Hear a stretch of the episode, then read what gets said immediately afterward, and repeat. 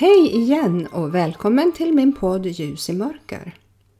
Jag heter Charlotte och vill gärna dela med mig av min kristna tro och vad den betyder för mig. Idag tänker jag prata om vad det innebär att vara en Jesu lärjunge. Ljus i mörker. Ja, visst behövs det ljus nu när det är så mörkt runt omkring. Det är både mulet och så mörknar det redan klockan 15. Det är ingen idé att släcka adventsljusstakarna eller andra belysningar när man kommer upp ur sängen. För de ska snart tändas igen. Men snart så vänder det igen. Den 21 december. Det ska bli så skönt när det går mot ljusare tider igen. Inte bara när det gäller decembermörkret utan också när pandemimörkret ger sig av. För det gör det. Snart får vi vaccin dessutom. Men det är flera som är skeptiska. Det går så mycket rykten om att det skulle finnas chip i vaccinet med mera. Men det är bara för att skrämmas. Hur skulle ett chip få plats i en kanylspets och sen vandra från armen och upp i pannan eller ner i handen. Det verkar inte logiskt för fem öre. Häromdagen så läste jag på Facebook att Prosit i Snövit och de sju dvärgarna skulle klippas bort därför att det skulle trigga folk att börja nysa.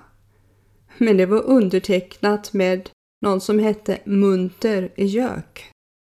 Alltså bara ett skämt. Det finns nog många skrönor om allt möjligt. Jag hade en nyhetsapp förut på min mobil, men den har jag raderat nu. Det blev så otroligt stora rubriker för bara en liten nyhet och det skrämmer och lockar intresse. Det vi behöver veta säger de på nyheterna på radio och TV. Nu till något helt annat som jag hoppas lockar intresse hos dig. Jag kommer att berätta om hur det är att vara en Jesu lärjunge och även naturligtvis citera Bibeln när det gäller just detta. I Wikipedia så läste jag att en lärjunge är ett annat ord för lärling eller elev.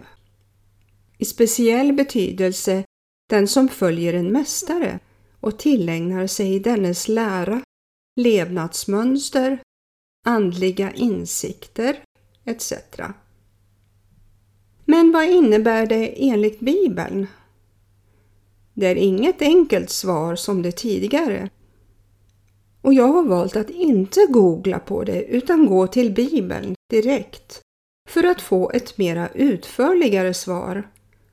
Och det bästa svaret får vi från Mästaren själv Jesus Kristus. I Lukas kapitel 14 så står det så här. Stora skaror följde honom och han vände sig om och sa till dem Om någon kommer till mig och inte hatar sin far och sin mor, sin hustru och sina barn, sina bröder och systrar, ja, även sitt eget liv, så kan han inte vara min lärjunge. Men hallå, vad säger Jesus egentligen? Ska vi hata våra närmaste? Jesus förklarar lite längre fram hur han menar. Jag fortsätter. Den som inte bär sitt kors och följer mig kan inte vara min lärjunge. Om någon av er vill bygga ett torn, sätter han sig då inte först ner och beräknar kostnaden för att se om han har råd att slutföra bygget. Annars, om han har lagt grunden men inte kan bygga färdigt, är det fara värt att alla som ser det kommer att håna honom och säga den mannen började bygga men kunde inte slutföra bygget.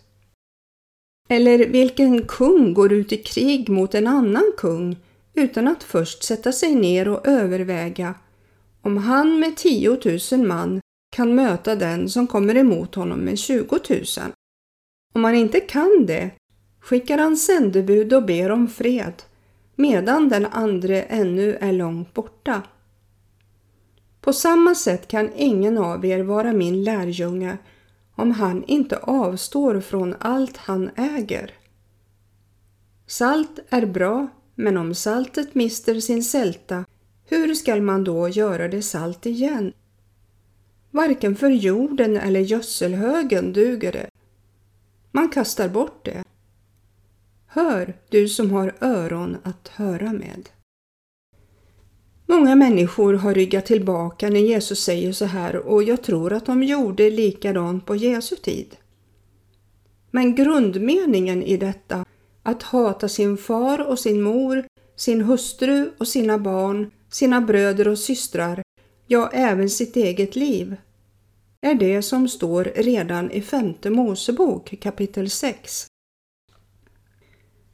Och du skall älska Herren din Gud av hela ditt hjärta och av hela din själ och av all din kraft. Jesus citerar det ordet i Lukas 10.27 och det är i samband med att en laglärd kom fram och ville snärja honom och frågade Mästare, vad skall jag göra för att få evigt liv? Vad står det i lagen? frågade Jesus honom. Och den laglärde svarade med samma ord som det står i Gamla testamentet. Och du skall älska Herren din Gud av hela ditt hjärta och av hela din själ och av all din kraft. Detta kallas för det första kärleksbudet. Jesus sa till honom, du svarade rätt. Detta är det största och främsta budet. Sedan kommer ett som liknar det. Du skall älska din nästa som dig själv. På dessa bud hänger hela lagen och profeterna. Senare i kapitel 24 och vers 12 i Lukas evangelium så säger Jesus när han talar om den sista tiden innan hans återkomst. Och eftersom laglösheten tilltar kommer kärleken att svalna hos de flesta. Jesus säger inte rent ut att vi ska hata våra nära och kära, utan betydelsen är att han eller hon måste sätta Gud så högt att ingen annan kommer emellan. Eftersom Gud är kärlek så skulle detta i så fall vara en motsägelse. Då skulle han inte säga att vi ska älska vår nästa som oss själva. Kärleken till Gud är det största budet. Den är en följd av Guds kärleksuppenbarelse i Kristus.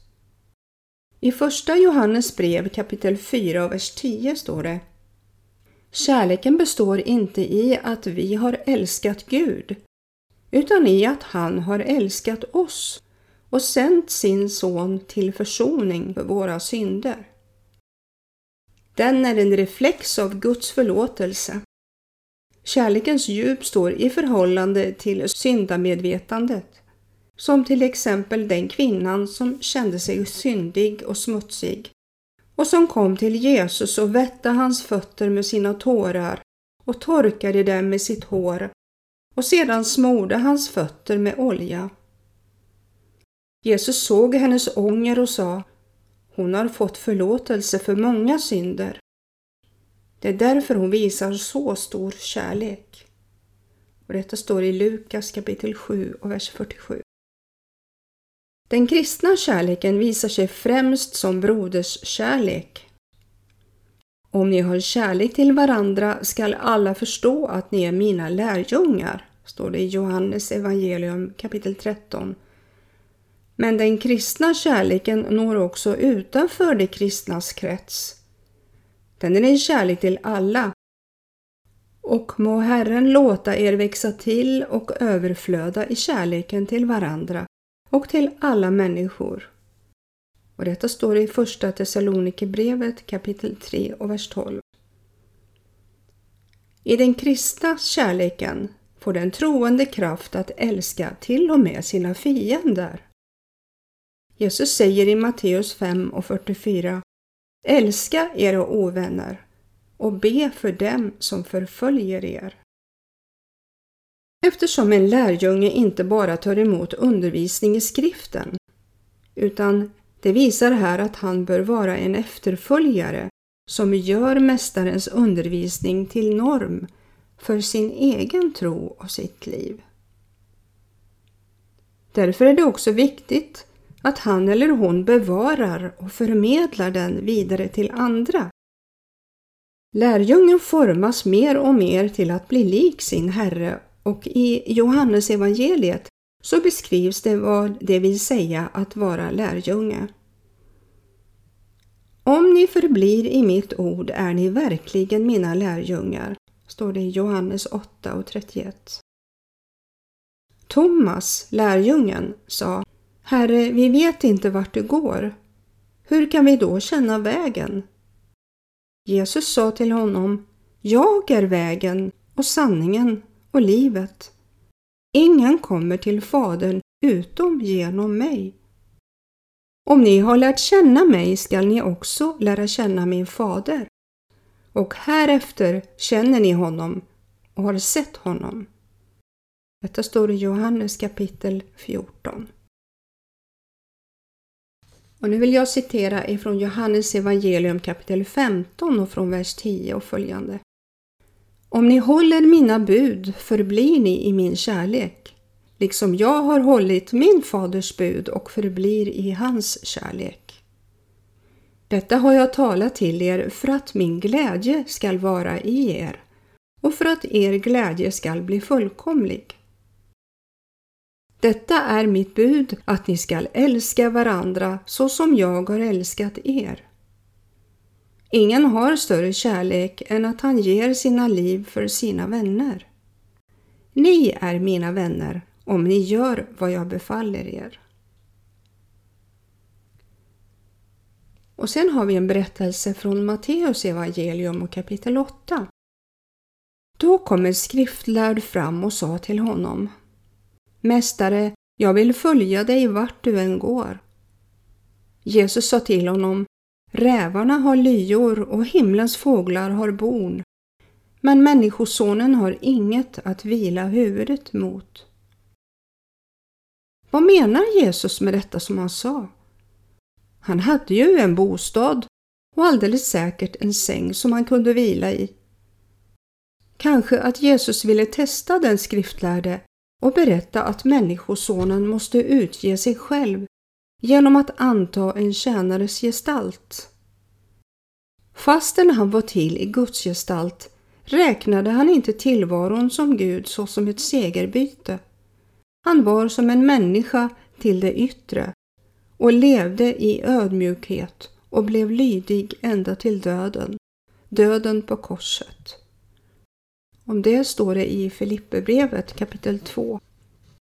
Det skulle kosta att följa Jesus. Men han kände kanske inom sig att den skriftlärde inte skulle klara det. Det är nog det svåraste, att förneka sig själv och vara villig att lida för Jesu namns skull. Det finns en sång som heter Att lämna allt och följa mig kan kosta dig ditt liv, men jag ger dig mycket mera. Att gå min väg och lyda mig är ändå värt sitt pris, för jag står på din sida. Och det är Frank Ådahl som har sjungit in den bland annat.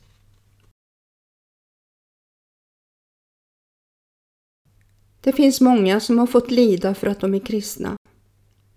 I Sverige är vi ganska förskonade från sånt i dessa dagar.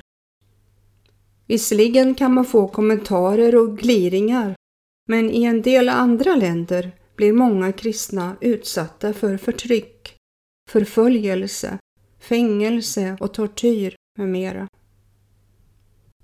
Om jag inte är beredd att ta lidandets kors på mig och följa Jesus, vad är det då för mening med att vara radikal i sin tro? Och hur är min överlåtelse till honom som gav allt för mig?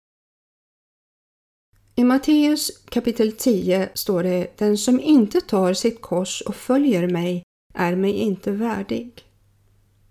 Och i Matteus 16 och 24 Jesus sa till sina lärjungar Om någon vill följa mig skall han förneka sig själv och ta sitt kors på sig och följa mig. Och likadant i Markus evangelium kapitel 8. Och han kallade till sig folket och sina lärjungar och sa till dem Om någon vill följa mig skall han förneka sig själv och ta sitt kors på sig och följa mig. Om man väljer att bli en Jesu lärjunge så är det verkligen värt det. Vi får så mycket tillbaka. Tänk själv, ett evigt liv tillsammans med honom och alla de som gått före. Det borde vara en självklarhet att välja det eviga livet framför evig död.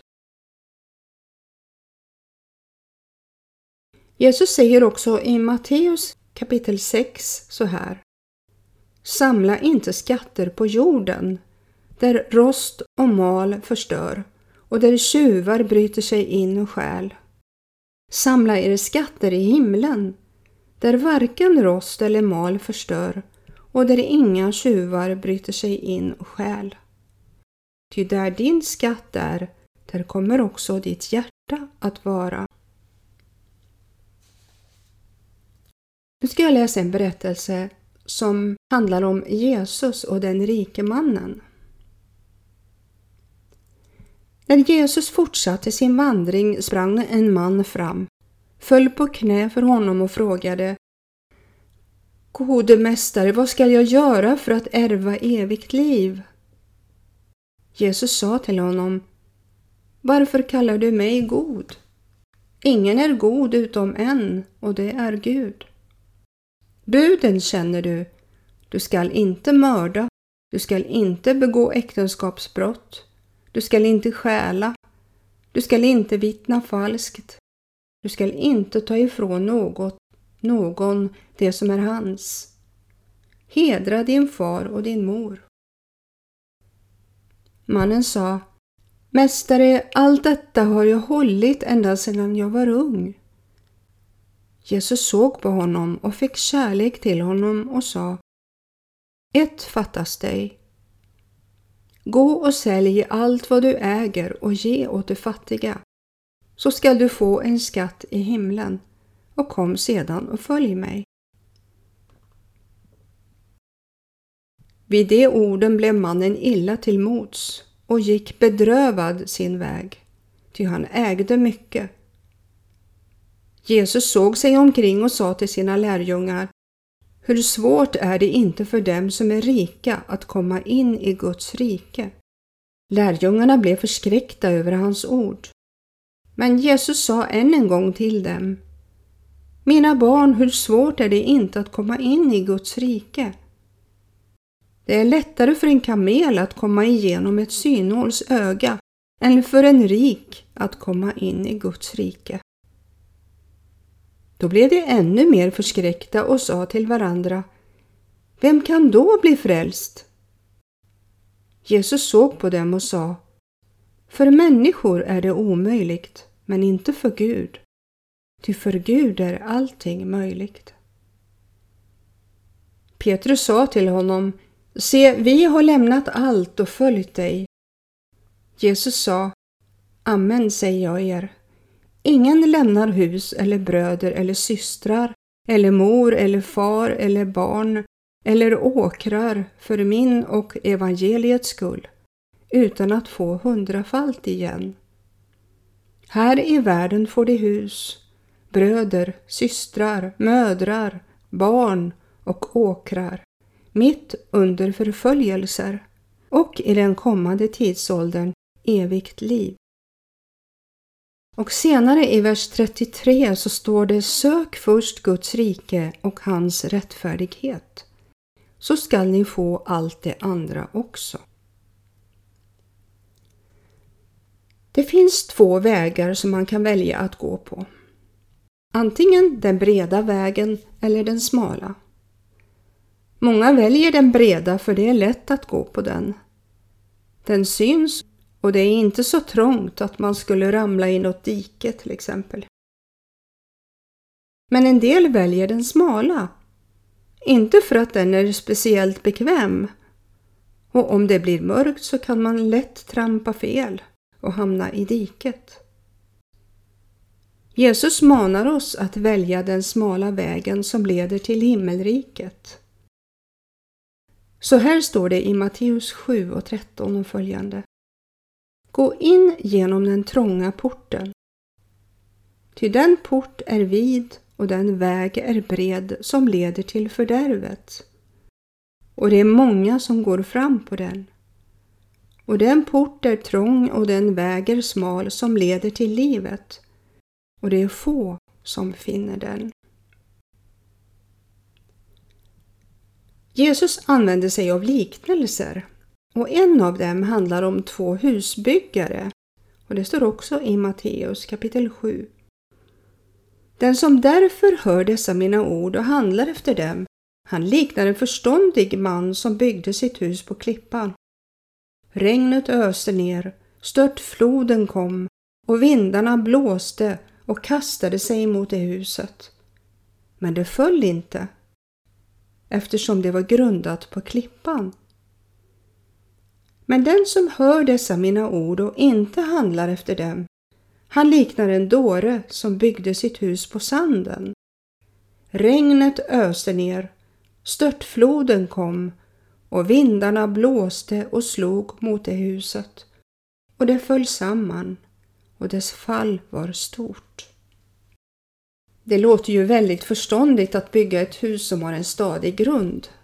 Kommer det stormar och oväder så står det inte stabilt och det faller lätt om man bygger på lös sand.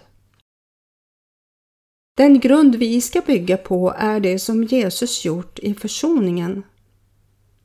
Det finns en sång som heter Det enda som står igenom alla tider, det är hans kors och blodets säkra grund. Ty allt vad jag byggt av hö och strå, det faller. Det varar blott en kort och flyktig stund. I första Korinthierbrevet kapitel 3 och vers 11 så säger Paulus Ty någon annan grund kan ingen lägga än den som är lagd, Jesus Kristus. Han är klippan som vi ska bygga våra liv på.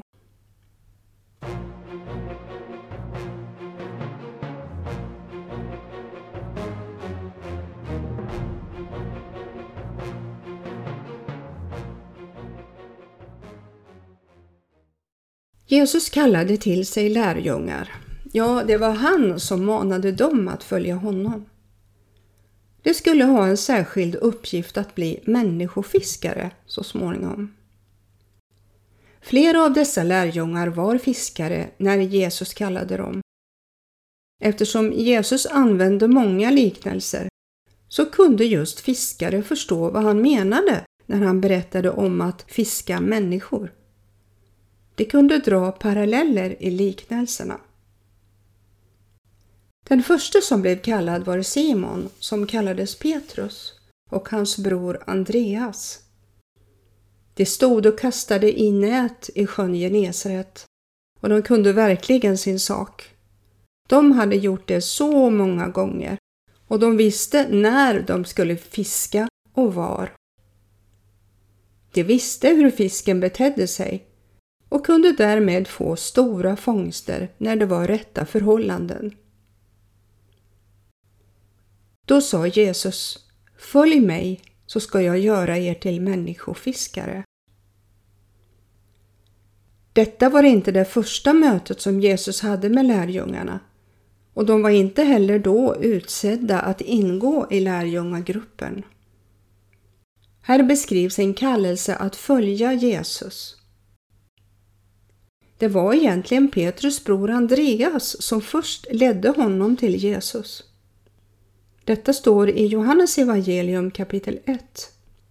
Det var vid det tillfället som Johannes döpte till bättring och Andreas var en av två Johannes lärjungar. När Johannes såg Jesus komma gående så sa han till dessa två Se Guds lamm som borttager världens synd. Då följde de Jesus och han frågade då de två vad de ville. De svarade Rabbi, det betyder lärare. Var bor du? Kom och se, sa Jesus. Då följde de med Jesus och stannade hos honom den dagen. Nästa dag gick Andreas till sin bror Simon Petrus och sa att han hade funnit Messias. Och han sa Kom och se! Och han förde honom till Jesus. Jesus såg på honom och sa Du är Simon, Johannes son. Du skall heta Kefas. Kefas betyder klippa och han kallades även Petrus och det betyder också klippa. Dagen därpå beslöt Jesus att gå därifrån till Galileen. Där fann han Filippus och sa till honom Följ mig. Filippus var från samma stad som Andreas och Simon, nämligen Betsaida. Filippus fann Natanael och sa till honom Den som Mose har skrivit om i lagen och som profeterna har skrivit om. Honom har vi funnit, Jesus, Josefs son från Nasaret. Då svarade Natanael Kan något gott komma från Nasaret? Och nu undrar du kanske varför han sa så? Jo, Nasaret fanns i Galileen och det var ett område där det fanns mycket hedningar. Jesus växte upp där och fick lära sig mycket, både om judendomen men också om hedningarnas leverne. Nasaret var också en plats som var illa omtyckt av judarna eftersom en romersk arméavdelning var stationerad där. Så Natanaels utrop var ett uttryck för den allmänna meningen. Själv kom han från Kana som var mellan 6 och 7 kilometer därifrån. Filippus svarar Natanael och säger Kom och se själv. Natanael följer hans råd och blev också en av lärjungarna. Om han hade följt sin förutfattade mening och inte undersökt saken så hade han kanske alldeles missat Messias. När Natanael kom till Jesus så blev han minst sagt förvånad när Jesus kände till vad han hette. Hur kan du känna mig? säger han. Då svarar Jesus Jag såg dig där du var under fikonträdet. Natanael utbrister då Rabbi, du är Guds son, du är Israels konung. Om vi går tillbaka till Matteus evangelium då Jesus kallade Andreas och Simon Petrus så fick Jesus se två andra bröder, Jakob, Sebedeus son och hans bror Johannes sitta i båten tillsammans med sin far och göra i ordning sina nät. Jesus kallade på bröderna och genast lämnade de båten och sin far och följde honom. Det kom inte med några undanflykter som att nej, det passar inte nu när vi håller på att fixa näten. Kom tillbaka imorgon så får vi se. Nej, de gick på en gång och följde Jesus. Det fanns inga tvivel. Kanske hade Sebedeus berättat för sina söner om att Jesus föddes i Betlehem och att det förmodligen var Israels konung som kommit. Sen tror jag också att det fanns och finns något i Jesu röst som får oss att handla omedelbart. Jag tror inte att det handlade så mycket om auktoritet utan om kärlek och omtanke från Jesus. Något inom oss får oss att handla direkt på hans tilltal.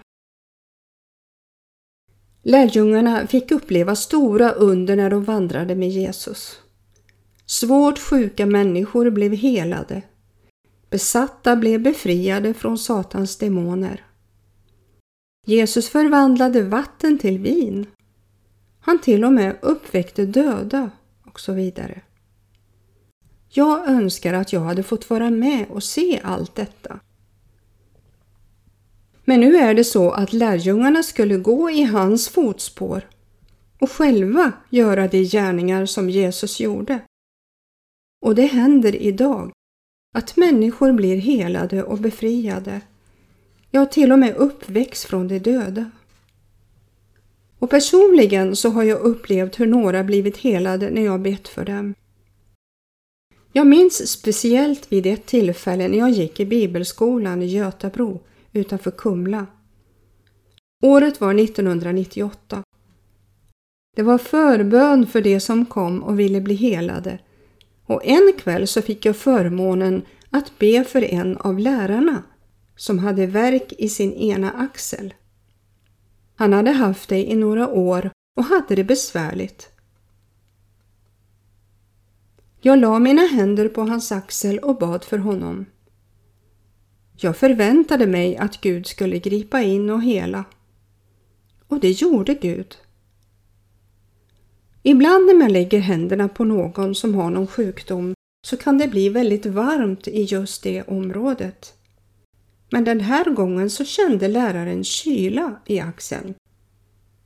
Så helt plötsligt försvann verken. Han vart helt förvånad och glad. Det är borta, sa han glatt. Om man har en inflammation någonstans så ska man inte lägga värme på det stället utan kyla. Så förmodligen var det inflammation i hans axel när jag bad och det blev kallt.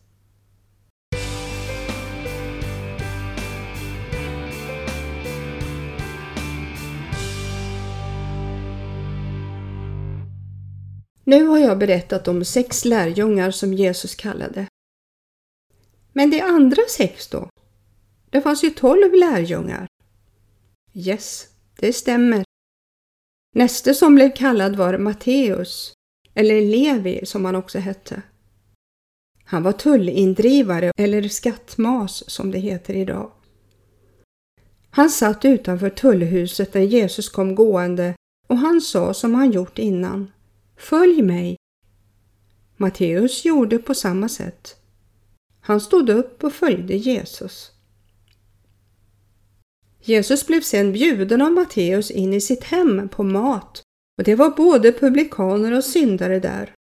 Antagligen ville han hålla en avskedsfest för sina arbetskamrater nu när han lämnade sin tjänst.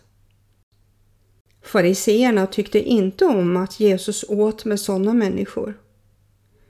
Och publikaner var föraktade och hatade av judarna. De var förpaktare av publikum i betydelsen statsinkomster.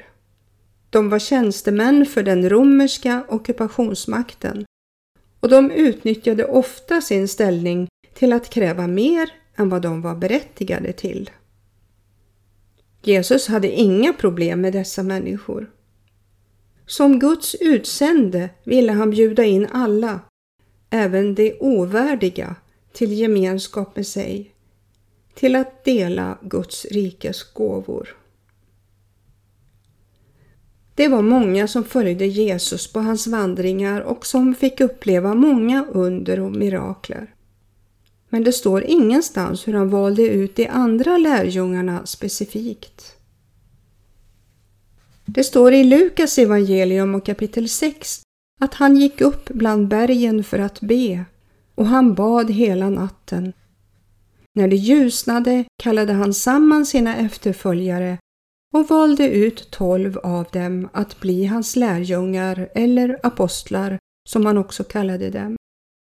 Apostel kommer från det grekiska ordet apostolos och betyder sändebud som uppträder med full auktoritet på avsändarens vägnar och som är ansvarig inför denne. I Hebreerbrevet används ordet apostel om Jesus Kristus själv. Det betyder att han är enastående i mening Guds sändebud med fullmakt att handla och Guds vägnar. Dessa tolv valde Jesus ut.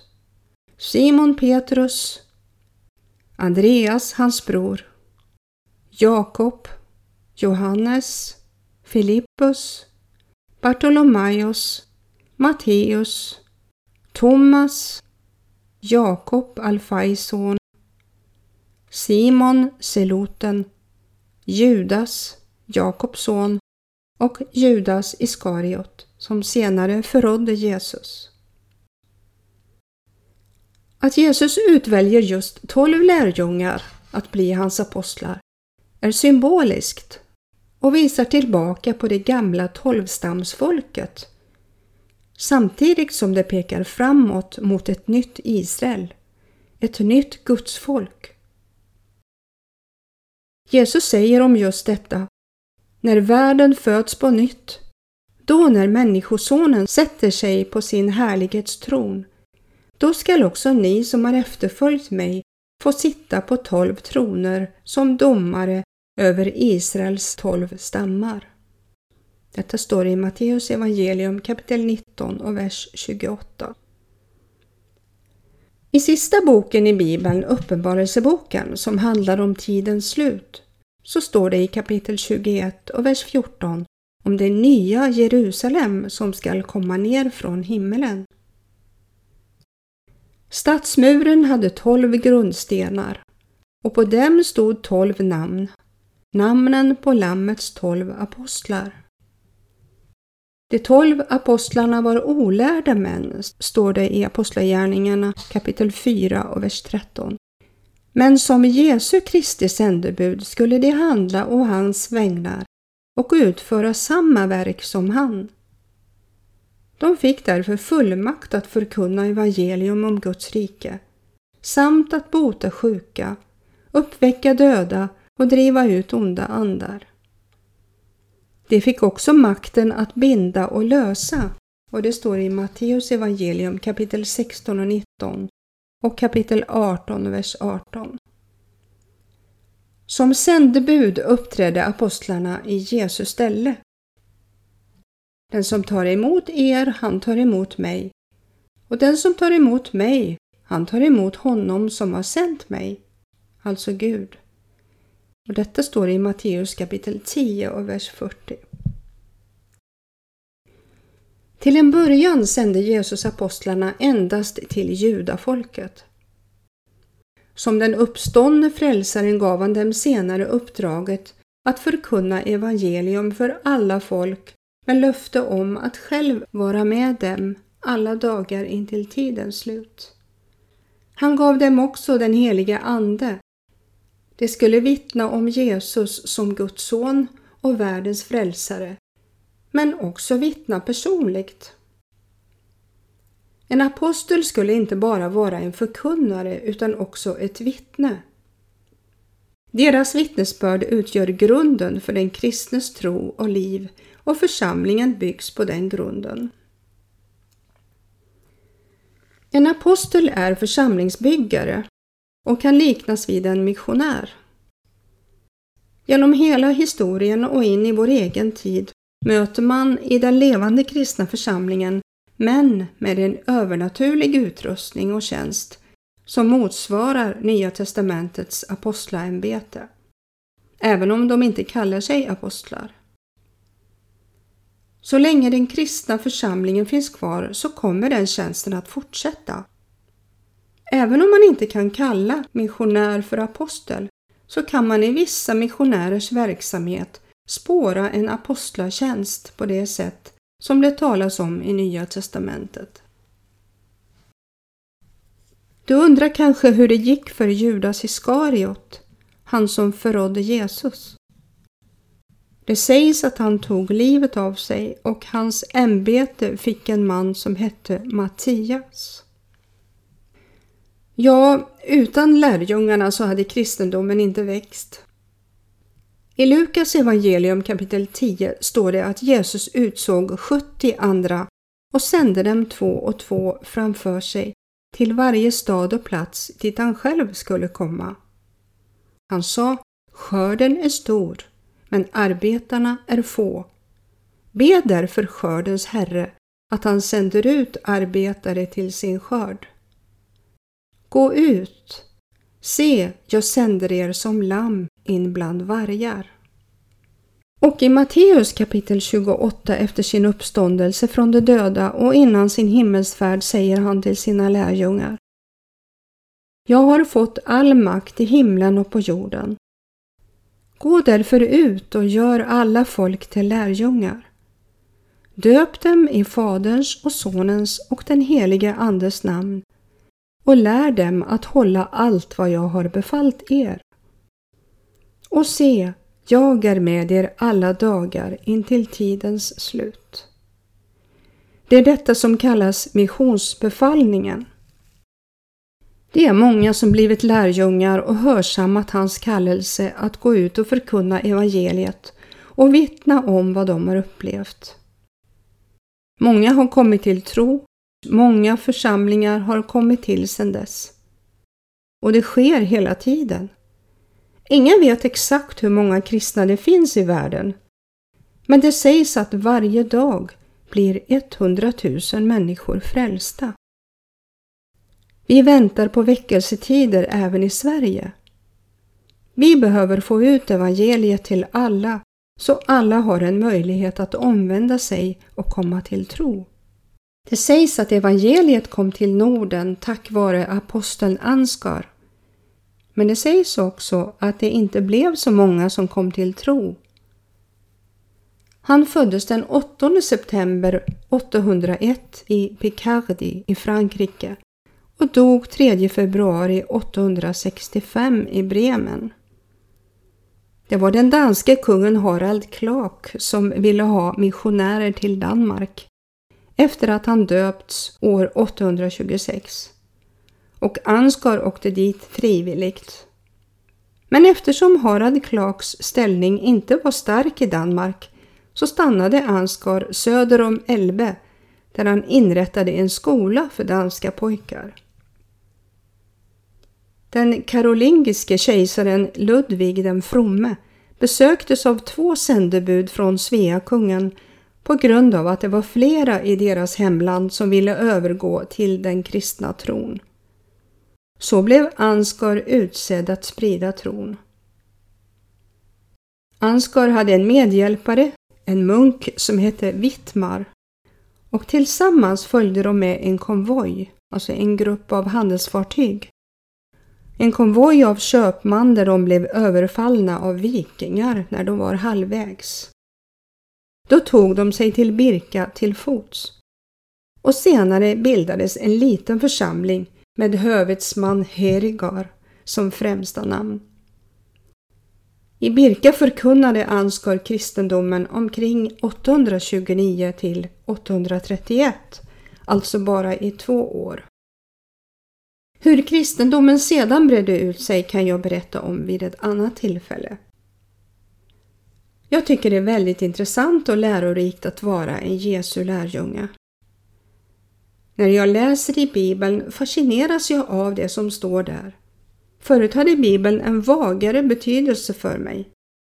Den såg bara jobbig ut där den stod i bokhyllan. Men sen jag blev frälst så har den verkligen blivit livets ord för mig. Den ger mig så mycket av tröst, uppmuntran och kärlek. Den berättar hur man ska leva sitt liv för att bli lycklig.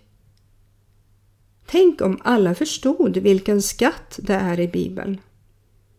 Ta fram den, damma av den och läs den. Du blir så välsignad. Nu kommer det att bli uppehåll med min podd några veckor över jul och nyår hade jag tänkt. Men man vet aldrig. Vi kanske hörs snart igen om Gud ger mig något att berätta eller om det finns något önskemål från er lyssnares sida.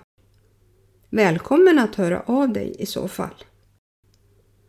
Det är så välsignat att sitta och ta in fakta från Bibeln och andra källor när det gäller den kristna tron. Gud välsigne dig och jag vill önska dig en lugn och skön jul och nyårshelg med önskan om att nästa år blir mycket bättre än det vi upplevt i år. Kram på er!